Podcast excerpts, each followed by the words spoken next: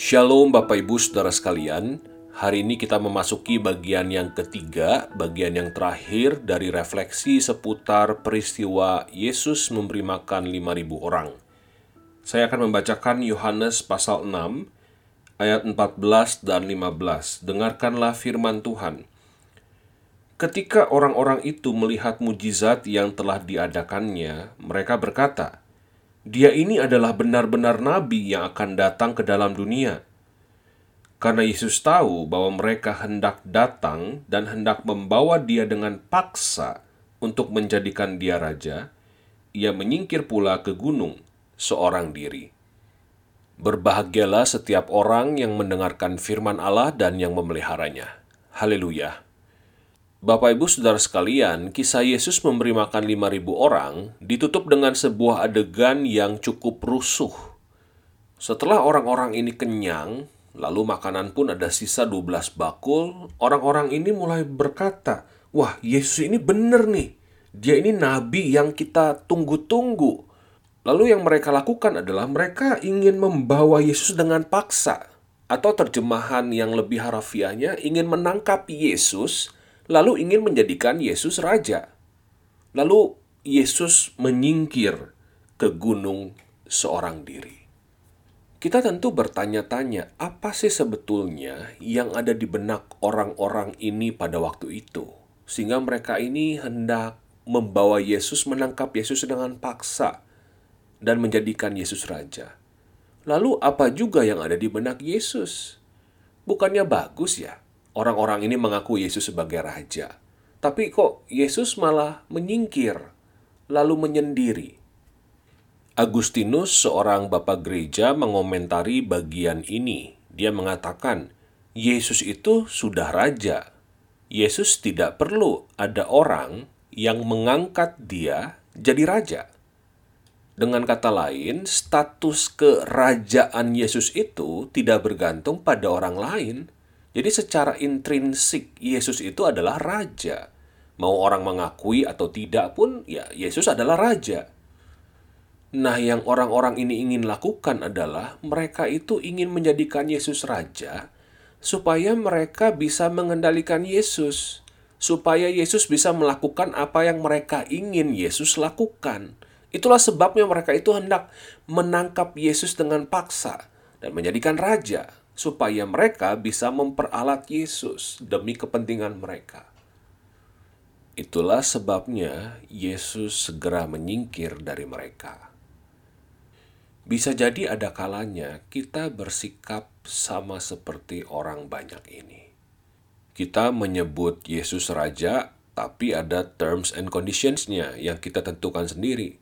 Selama Yesus itu mau melakukan apa yang saya minta, maka saya akan jadikan dia raja. Saya mau taat, saya mau nurut sama Yesus selama yang saya inginkan itu ya dikabulkan, dikasih oleh Yesus. Lah kalau kayak begini, yang raja tuh sebetulnya siapa? Yesus atau kita?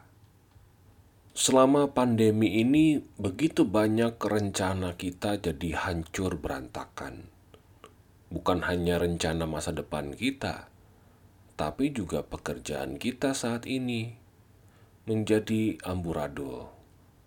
Dalam situasi seperti ini, mungkin kita pernah berpikir ataupun berkata, "Tuhan harusnya tuh kayak begini loh. Kenapa jadi pandemi kayak gini ya?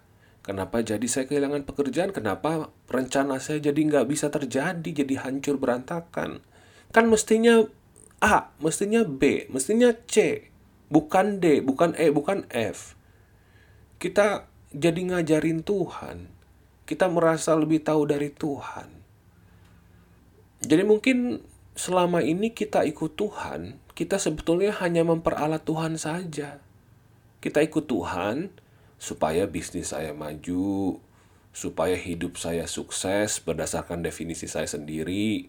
Saya ikut Yesus supaya saya dapetin apa yang saya mau ini dan itu ya supaya ujung-ujungnya supaya apa yang saya mau bisa tercapai itulah sebabnya saya mau ikut Yesus kalau begini ini namanya kita sedang memperalat Tuhan Persis inilah yang dilakukan oleh banyak orang itu. Itulah sebabnya orang-orang ini ingin mengangkat Yesus menjadi raja dalam hidup mereka, supaya mereka bisa memperalat Yesus. Padahal mestinya kita yang jadi alat. Di tengah krisis yang kita hadapi, entah itu kita sehat, entah itu kita sakit, entah kita masih punya pekerjaan, entah sudah kehilangan pekerjaan, sedang mencari pekerjaan, tentu wajar kalau kita mengharapkan pertolongan Tuhan. Tetapi kita pun perlu mengingat, di dalam situasi apa pun yang saat ini kita sedang hadapi, kita ini alat di tangan Tuhan. Seperti apa yang dihayati oleh Rasul Paulus, hidup adalah Kristus, mati adalah keuntungan.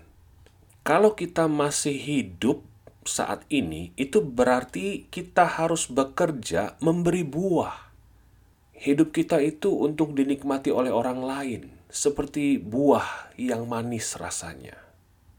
Bagaimana supaya kita bisa bekerja memberi buah di tengah krisis yang sedang kita hadapi?